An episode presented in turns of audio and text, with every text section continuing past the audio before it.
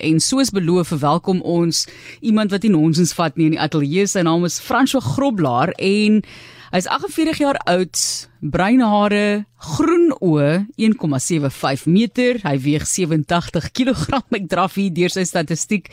Selfs sy skoengrootte, 'n uh, Verenigde Koninkryk nommer 9 is hierso neergesit want dit is inligting wat natuurlik vir sy werk benodig word en ons gesels met hom juis oor hoe Gevaarlik is hierdie werk wat hy doen regtig. Nou dis Frans Groblaar soos ek gesê het, hy's 'n waaghals en sogenaamde standkoördineerder by Piranha Stunts as ook Switchable Blade of Switchblade Films. Baie welkom aan jou. Dis 'n mondvol daai om jou te beskryf, meneer.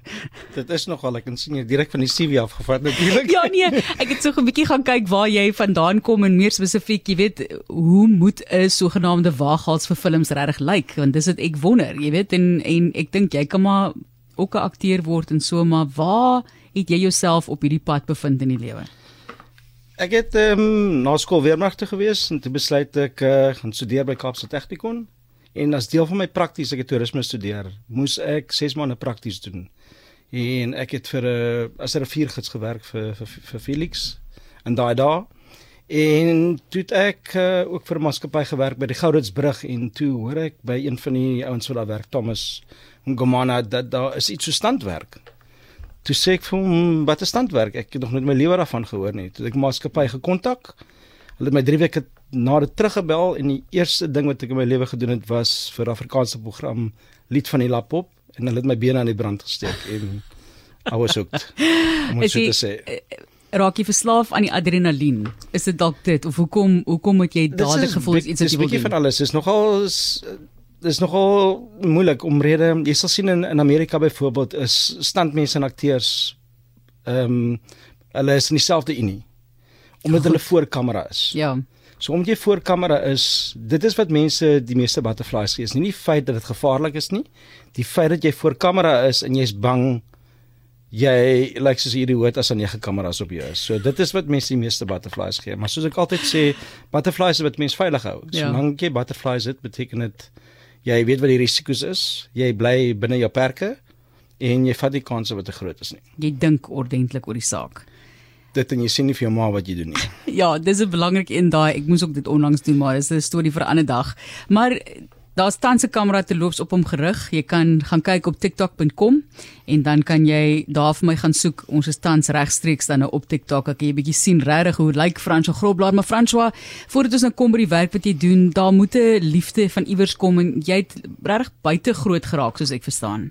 'n Buitemens. Ja, ek kom van 'n plaas af, uh, groot geraak op 'n plaas. Uh, ek het altyd gehou van buite wees. Ek is niemand wat daarvoor in my kantoor te sit nie. Dis nie ek sal maar raak as 'n kantoor moet sit en nie Ek is altyd iemand wat gehou het van fisiese goed en standwerk is iets vir dit alles doen. Ehm um, ek het vir 18, 19 jaar self selfstands gedoen. Ehm um, toe ek jonger was, toe ek begin het, ek het baie laat in die industrie begin. Ek was 26 toe ek begin het in 2001. En mens kom op 'n stadium wat jy opstaan in die oggend en jou lyf is nie meer soos dit moet wees nie. En die natuurlike progressie daarvan is om 'n koördineerder te raak met genoeg ondervinding.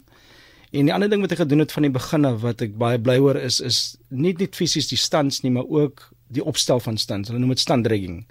Met ander woorde, as jy iemand het wat bo op 'n gebou akteer op die rand van die gebou iets gevaarliks moet doen, dan sit die opstel van sy safety lyne daarvoor seker maak as hy met afval in die gebou dat hy veilig is.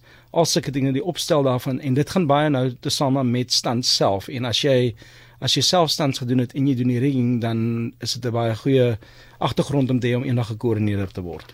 Want ek wil nou vra, dit is nie net 'n geval van jy stap vir die eerste keer op 'n filmstel en hulle gaan en jou bene word in brand geslaan en nou iewes skielik kan jy dit self saamstel nie. Daar's so baie inligting en tegniese inligting wat jy seker eers onder die knie moet kry. Absoluut en en jy, baie mense kom na jou toe en sê uh, ek wil 'n standman wees. Ek is bang vir niks wat gewoonlik ehm um, die ding is wat ons nie wil hê nie want as die mense wat bang is vir niks is die mense wat wat seer kry. Dis ook gewoonlik die klein dingetjies wat die gevaarlikste is en nie die groot goed nie.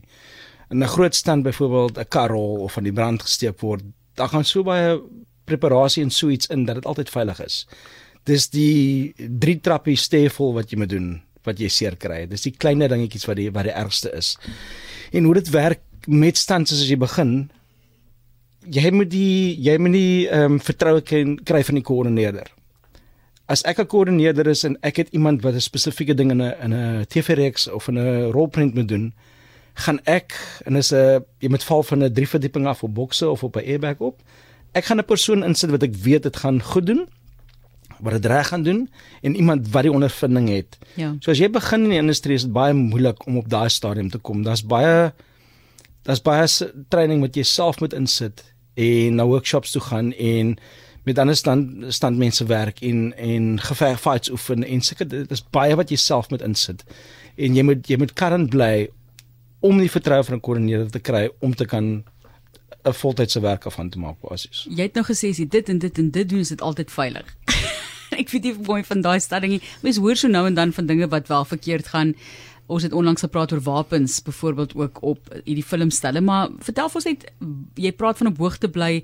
Wat is van die interessantste geheime van die bedryf wat jy met ons kan deel op 'n tegniese vlak. Jy weet soos wat hulle gebruik om 'n ou in die brand te slaan en dan weer en veilig te hou tydens die proses. Wat van die nuwe tegnieke wat gebruik word wat jy dalk met ons mag deel? So aan die brandslaan dis een van die dis een van die stands wat alle standmense wil doen. Almal almal wil brand. Ek weet dit klink verkeerd. Maar Ja, ek weet jy daai dit klink baie verkeerd. So. Dis ja, actually baie interessant ja. as jy gaan kyk ehm um, ons hou actually tans Suid-Afrika Suid-Afrika se standindustrie Guinness World Records waar ons 32 standmense op die parade 3 of 4 jaar terug almal terselfde tyd in die brand gehad het vir meer as 45 sekondes. Ek dink daar is video's ook online wat mense kan sien. Goed. So 32 standmense en standvrouens almal in die brand vir 45 sekondes en dit is nog steeds 'n wêreldrekord wat ons in die Kaap gedoen het. So alles is in jou preparasie vir so iets. Dis wat jy doen Ja. voor die tyd en alles is is rehearsals. Jy jy maak seker jy doen jou eie preparasie voor die tyd voor dit op kamera gaan. Enigiets anders wat jy met ons kan deel? Tegnies wat jy gebruik byvoorbeeld. Die dinge het baie die dinge het baie verander van die ou dae. Van die ou dae het 'n mens toe ek begin het in die industrie jou safety lyne was kabel, staalkabel geweest. Deesdae gebruik mens ander dinge wat ehm um, wat ligter is, wat sterker is, wat goedkoper is.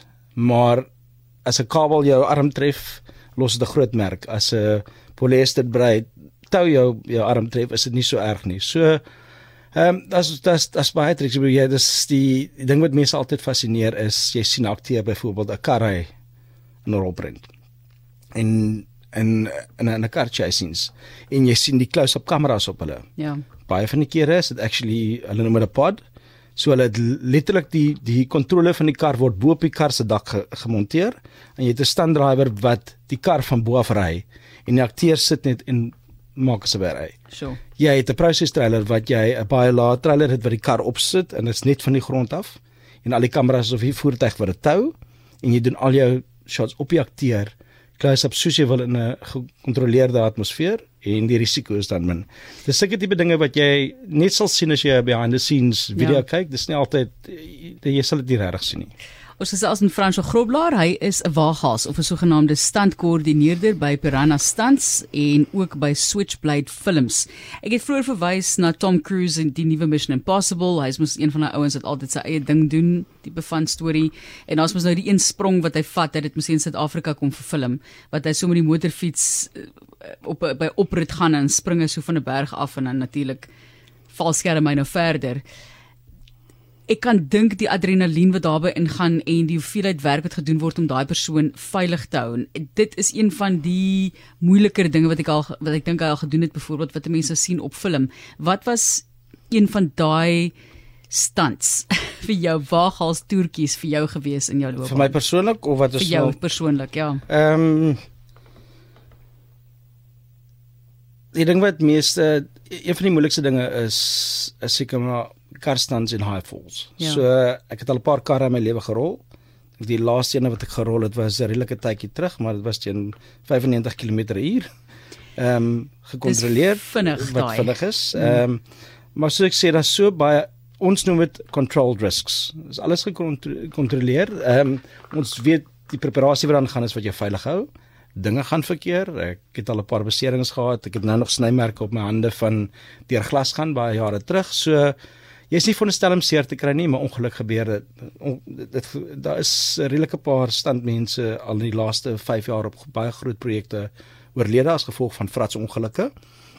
Maar soos 'n ongeluk ongelukke gebeur dit. Ja. En uh, mense probeer vir my so ver as wat jy kan, maar nie alles is altyd in jou beheer nie. Wat sê jou familie van die goed? van hierdie werk wat jy gekies het om te doen? Ehm um, ja, my ma's obviously die minder ek vir haar sê hoe beter. Uh my vrou en kinders, hulle gee nie om nie. My oudste seun sê hy wil 'n standman raak Geen om nie. Ja. my oudste seun het actually al 3 films gedoen self die laaste paar jaar. So ehm um, ja, die oudste seun sê hy wil dit doen. My vrou is nie baie happy daaroor nie, want sy voel dis nie die regte ding nie. Hy moet gaan studeer en 'n graad kry. Maar ehm um, luister is 'n amazing industrie om in te werk. Ja. Dis almal dink altyd dis al- dis altyd glamorous. Dis is kan maar baie vervelend wees. Baie keer ehm um, sit jy op stel vir 'n hele dag en die stand word letterlik as die laaste ding van die dag gedoen. Ja, ek dink die mense verstaan hoeveel ja. tyd in televisie gaan en hoe baie daar rondgesit word nie. Maar eh, want ons het nou 'n klein bietjie tyd nog oor. Ek wil vir jou vra van projekte wat jy baie trots op is. So vertel vir ons waarvan was jy al deel? Jy het seker met een van die mooiste vrouens in die geskiedenis van aktrises wat ek glo Halle Berry is, ehm um, saam met haar gewerk as ek reg Ja. verstaan. Daar's 'n foto wat jy hier gestuur het. Dark Tide. Daai jy? foto wat ek gestuur is actually dis in Gansbaai gewees op ons laaste dag. Goed. Ons het actually in die Kaap geskiet. Dis 'n movie Dark Tide. Dit het gegaan oor dis 'n high uh, high movie gewees van die ou wat uh waar sy ou wat gediagnoseer word met kanker en hy wil sy eie lewe neem en hy wil dit het dit met gebeur gedien uh, gedurende 'n high dike. En sy probeer dit verhoed. So ehm um, daar's baie films mense besef nie altyd wat geskied word in Suid-Afrika nie. Ehm um, op een stadium in 1 jaar terselfdertyd is die laaste Maze Runner en Tomb Raider terselfdertyd in die Kaap geskiet. Sjoe. En baie mense weet dit nie eers nie. Ja, daai twee weet ek nie van nie. Van die Halle Berry film weet ek Ja. want ek het so 'n bietjie gesien van haar op 'n boot.